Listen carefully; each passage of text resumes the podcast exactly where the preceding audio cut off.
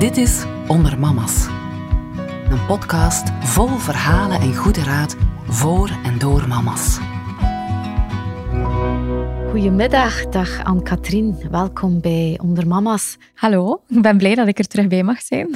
Twee weken geleden uh, zaten we samen en we hadden een heel interessant gesprek rond jouw work-life balance. En we hebben vandaag dus een follow-up gesprek hier rond met de input van vele mama's. Hè? Want onder mama's leren uit ervaringen. We hebben de verschillende reacties gebundeld. We hebben zo wat de thema's kunnen indelen in relationeel, sociaal contact, werksfeer, zelfzorg, organisatie en structuur. Oké, super.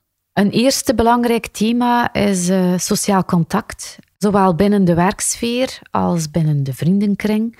Het is wel zo, ik heb in mijn boek Onder Mama's, maar ook op mijn eigen blog, info gedeeld over uh, verlofstelsels. Wat bestaat er? Wat kan je inroepen? Ik heb het ook gehad over de relatie met de werkgever. En dan kijk ik even naar Anne-Katrien, want wat is jouw ervaring daarmee? Op, uh, op het moment dat ik zwanger was, uh, was ik ICT-leerkracht. Dus eigenlijk van het eerste tot het zesde leerjaar. Ik heb echt zo een periode gehad dat ik super vermoeid was. Ik weet, ja, dat komt ook door mijn diabetes, dan ben ik al zo wat meer uitgeput. En dan nog een keer zwanger zijn daarbovenop. Uh, rond de middag vielen mijn ogen soms gewoon dicht, dat ik mezelf niet meer wakker kon houden. En uh, toen was het mijn directie zelf die dan naar mij was gekomen en zei, aan Katrien, je gaat de dag niet doorkomen zo. Doe dan eens even een dutje in de vergaderzaal. En ze is toen nog een kussen voor mij gaan halen. En uh, ja, ik heb dan in de vergaderzaal uh, een dutje gedaan. En dat heeft zich meerdere keren herhaald ook, als ik mij vermoeid voelde. Dus ja, ik vond dat wel fijn dat zij zo mij ondersteunen en mij eigenlijk zo wat begeleiden in mijn zwangerschap. Dus dat was een fijne ervaring, werkervaring, werkrelatie op dat moment? Ja, inderdaad. Ik heb altijd heel hard het gevoel gehad dat dat, dat, dat zo'n beetje op die moment mijn vangnet was. Dat ik daar eh, met mijn zorgen uh, kwijt kon bij mijn collega's.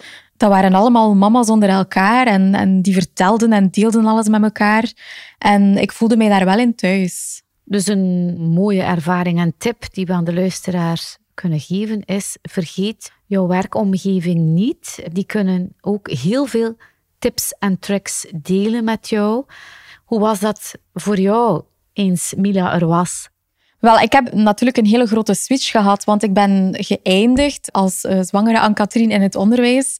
En ik ben als mama Anne-Katrien als zelfstandige begonnen. Dus dat was voor mij uh, een enorme switch, zowel ja, op werkvlak als ook mentaal. Um, omdat je er ineens alleen voor staat. Je wordt je eigen werkgever en je hebt uh, opeens geen collega's meer waar dat je toch zo af en toe je zorgen een keer mee kan delen. Allee, je hebt natuurlijk je familie en je vrienden, hè, maar dat is toch een stukje dat ergens wegvalt. Ja. Ik heb natuurlijk wel nog met mijn collega's zo wat gebeld en ge-sms'd, maar het is toch anders dan in, in real life, dat je zo een keer een conversatie met elkaar kan hebben. Niet alleen de werksfeer is belangrijk, maar evenzeer alle andere sociale contacten, vrienden, familie, relaties en meer, blijven toch wel een heel belangrijk uh, stukje om mee bezig te zijn. Als je daar eigenlijk niet aan werkt, dan vergeet men jou misschien. Anne-Katrien, hoe verliep dit voor jou? Wel, tijdens mijn zwangerschap zelf was het vooral mijn, mijn beste vriendin, die dat vroedvrouw is, die dat heel vaak contact met mij opnam, omdat ze daar natuurlijk ook uh, mee bezig is. En uh, die wou constant weten hoe dat met mij ging en of dat ik nog tips nodig had. En we hadden eigenlijk toch wel uh, heel vaak contact met elkaar. Ik moet wel zeggen, um, na de bevalling vond ik dat wel anders. Want dan zit je inderdaad zo wat in die cocon met je gezin. En dan was het voor mij toch wel moeilijker om naar mijn vriendinnen te sturen of om daarmee bezig te zijn. Je hoofd zat daar op die moment precies niet echt naar. En dat was toch even achteraf terug opbouwen. Hoe kan je de draad dan achteraf, na de moeilijke maanden, weer terug vlot heroppikken? Wel, het is zo bij mij natuurlijk, waren mijn vriendinnen en ik dat al een beetje gewoon, want ik woon in Antwerpen en mijn vriendinnen wonen zo goed als allemaal in West-Vlaanderen. Wij zijn het gewoon om, om via WhatsApp uh, te communiceren en elkaar wekelijks te bellen. En we hebben ook gewoon afgesproken dat wij dat zo gingen volhouden. Dat we af en toe contact hadden, dat we één keer per week bellen met elkaar. Ja, natuurlijk, het is logisch als je mama bent, als ze sturen van hey, kom je morgen iets drinken? Uh, vroeger, hey, je springt in je auto en je bent weg. Maar nu, ja, dat gaat gewoon niet meer. Hè. Dus uh, het is iets meer afspreken en plannen allemaal. of je kan je ook uitgesloten voelen. Die vriendinnen die zijn daar niet mee bezig met die zwangerschap, die zijn zelf niet zwanger of die hebben nog geen kinderen. Een tip die ik kan geven is van blijf afspreken, geef dat ook aan, communiceer goed. Uh, zeg tegen jouw vriendinnen, kijk, blijf me uitnodigen. Ik zal misschien niet daar kunnen op ingaan, want ik ben vaak moe, ik kan het s uh, s'avonds niet zo lang uithouden. Ik heb mijn slaap nodig, maar blijf me toch uitnodigen, want anders ja, ga ik misschien vereenzamen of voel ik me vergeten. Uh, wel vrij belangrijk ook om toch ook vaste afspraken misschien vast te leggen. Hè? Ja, ik vind dat zeker eh, een goed punt dat je aanhaalt. Want het is inderdaad superbelangrijk dat je ja, met je vriendinnen zonder de kinderen ook een keer tijd kan nemen. Gewoon ook voor jezelf. Allee, een, een mama heeft dat nodig, die momenten. Ja, dan komen we automatisch bij me-time. Ja. In het begin, als Mila geboren was, ging alles uh, zo'n beetje vanzelf. En, en ik zat in mijn routine. En na een paar maanden, uh, ik heb dat in de vorige podcast ook verteld, ja, ben ik gecrashed. Omdat ik gewoon constant mezelf aan het wegcijferen was om voor Mila te zorgen en voor anderen te zorgen. En ik dacht eigenlijk niet meer aan mezelf. En uh, dan ben ik gaan beginnen zoeken van, ja, wat moet er nu eigenlijk anders? Ik moet echt voor mezelf beginnen zorgen. Ja, het eerste wat ik van stap heb ondernomen, dat is ook door mijn zus. Mijn zus is uh, psychiater en mijn beste vriendin is vroedvrouw. Dus die zitten allebei een beetje in het vak. Ze hadden me gezegd van ja, je moet echt met iemand gaan praten. Dat is geen, geen schande. Doe dat gewoon. Je gaat daar zoveel uit leren. Dat is ook zo geweest. Dat heeft mij enorm geholpen. Dat heeft van mij een, een, een andere mama gemaakt, om zo te zeggen. Een van de dingen dat ik daar ook uit geleerd heb, is mediteren en yoga. Dat dat mij enorm, enorm kan ontspannen. En voor mij is dat de ideale me-time eigenlijk.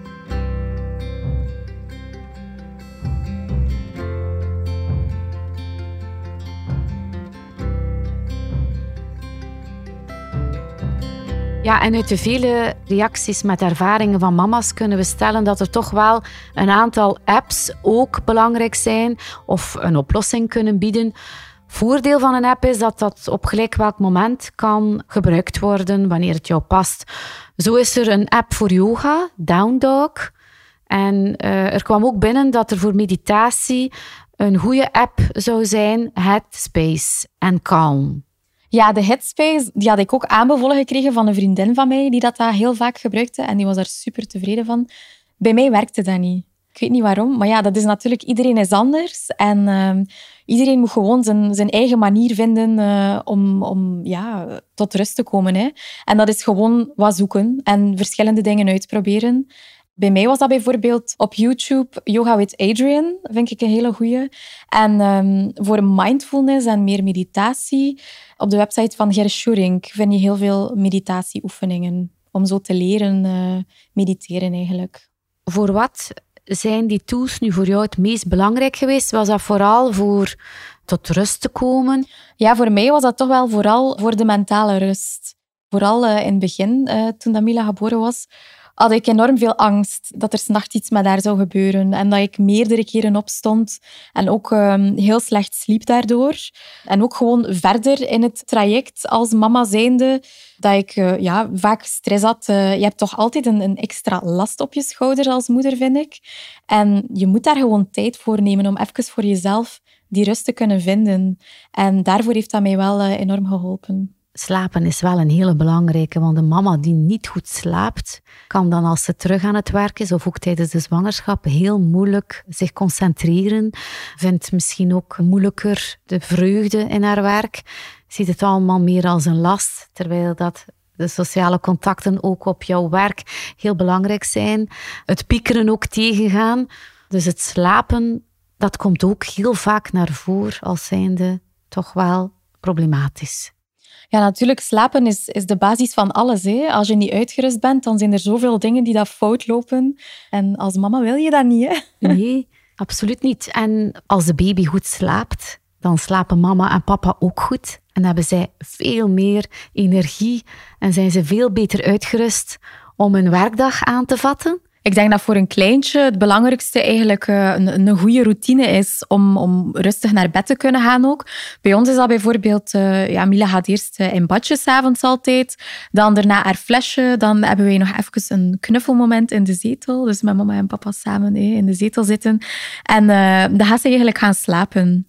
En dat werkt heel goed voor haar. En ik denk ook dat dat voor elke ouder terug anders is en terug zoeken is naar een bepaalde routine om je kindje goed te kunnen doen slapen. En Anne-Katrien, krijg je dan zo op die manier ook een beetje me-time s'avonds? Ja, ik vind kinderen hebben een routine nodig, maar bij volwassenen is dat juist hetzelfde. En bij mij is dat s'avonds eigenlijk eh, vanaf dat Mila in haar bedje zit. En je relatie, die heeft daar ook niet anders dan voordelen dan bij als je zorg draagt voor jezelf.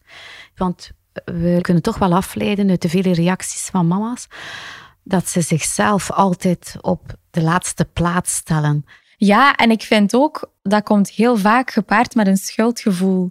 Van als je dan een keer een momentje voor jezelf neemt, zeker in het begin, ik had dat enorm, dan voelde ik mij direct schuldig. Tegenover mijn gezin, tegenover Mila, tegenover, ja, van ja, dat, dat kan nu toch niet, want ik moet dit of dat aan het doen zijn. Ja, dat is, dat is een, een heel raar gevoel. Maar ik merk wel van mijn volgers dat heel veel mama's met dat gevoel zitten hoe kan je eigenlijk voor het slapen gaan of s'avonds tot een switch komen, tot een beter gevoel, een gelukkiger moment met jezelf? Eigenlijk zo het moment van, wat heb ik vandaag eigenlijk goed gedaan? Zou toch wel iets handigs zijn om elke dag opnieuw mee aan de slag te gaan s'avonds?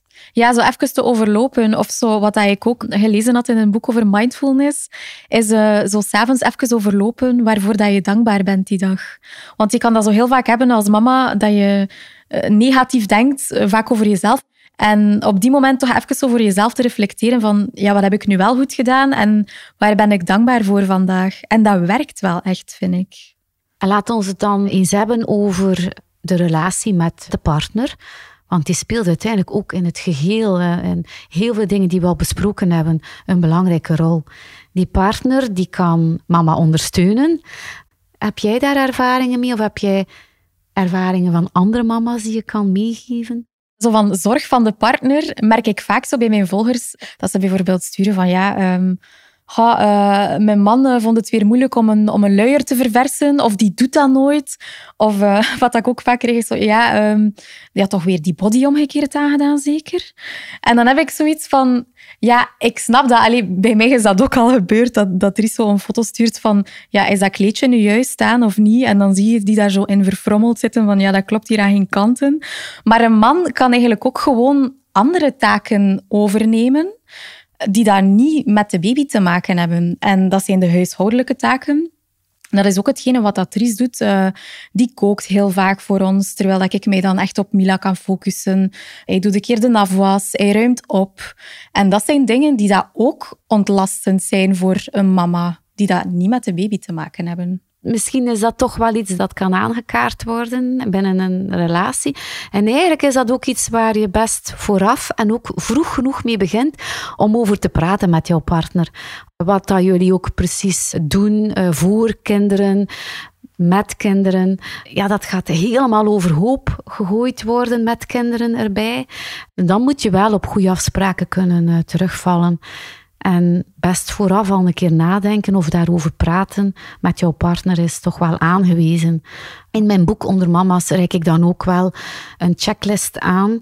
En ik heb gelezen dat er toch wel heel wat jonge koppels, en dat vind ik wel heel goed en heel leuk om te lezen, dat die afspraken maken rond een date night, wekelijks. Dat kan uit huis zijn, dat de baby dan bij iemand anders wordt ondergebracht. Maar het kan ook thuis gewoon elke week. Ja, dat is natuurlijk ook terug voor iedereen anders. Uh, je vult dat in zoals dat je dat zelf uh, goed aanvoelt.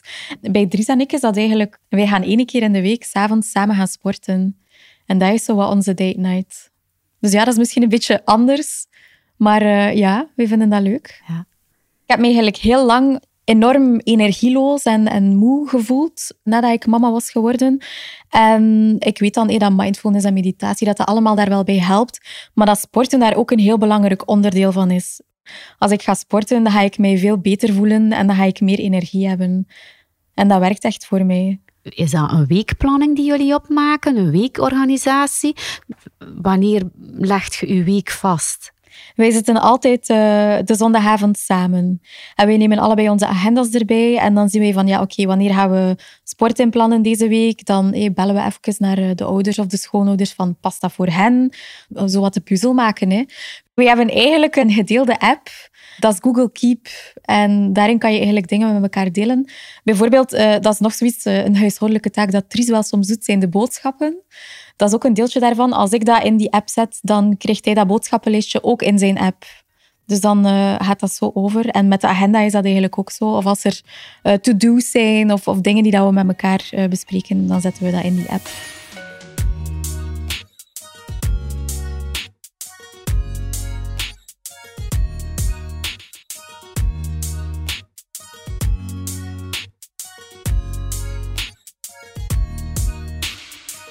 En uh, boodschappen naar huis laten brengen. Doen jullie dat? Ja, uh, dat doen we eigenlijk al een tijdje. Um, vooral zo voor drinken vind ik dat heel handig, omdat je daar dan niet mee moet sleuren. Um, ja, ik, ik, denk dat ik dat toch wel om de twee weken een keer doe, zo, om zo aan een voorraadje aan te slaan. Uh, daarvoor doe ik wel zo online boodschappen. Oké, okay, mooi. Zijn er nog andere tips en tricks die je kan uh, aanreiken of die je gelezen hebt bij of kent van vriendinnen om een organisatie uiteindelijk uh, vlotter te laten verlopen?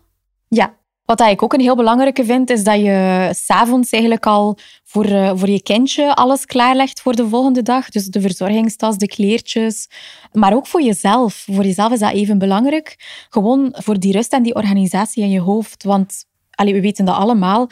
S'morgens kan je in een rush zitten en dan zou het wel een keer kunnen gebeuren dat er een cadeautje in de luier zit een minuut voordat je de deur moet dichttrekken of dat je kindje net morst over die outfit dat je net hebt aangetrokken. Allee, dat je dan toch een beetje voorbereid bent om toch sneller die ochtendroutine gedaan te krijgen. Ja, uiteindelijk is het ook zo dat je dan het gevoel krijgt van ik heb tijd gewonnen nu.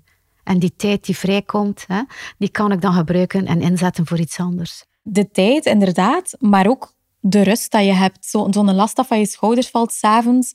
Ook voordat je gaat slapen, dat je weet van oké, het komt goed morgen. En ik kan morgen ook met een gerust gevoel opstaan.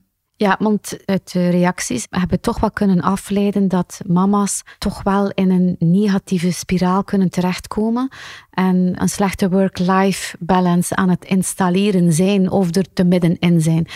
Hoe kom ik nu uit die negatieve spiraal? Hoe kan ik mijn leven weer op de rails zetten? Denk dat dat voor iedereen terug wat zoeken is van uh, wat werkt er voor mij? Wat heb ik al geprobeerd? Wat is er niet gelukt? En wat kan ik nu wel nog uitproberen? Uh, bij mij bijvoorbeeld was dat met iemand gaan praten.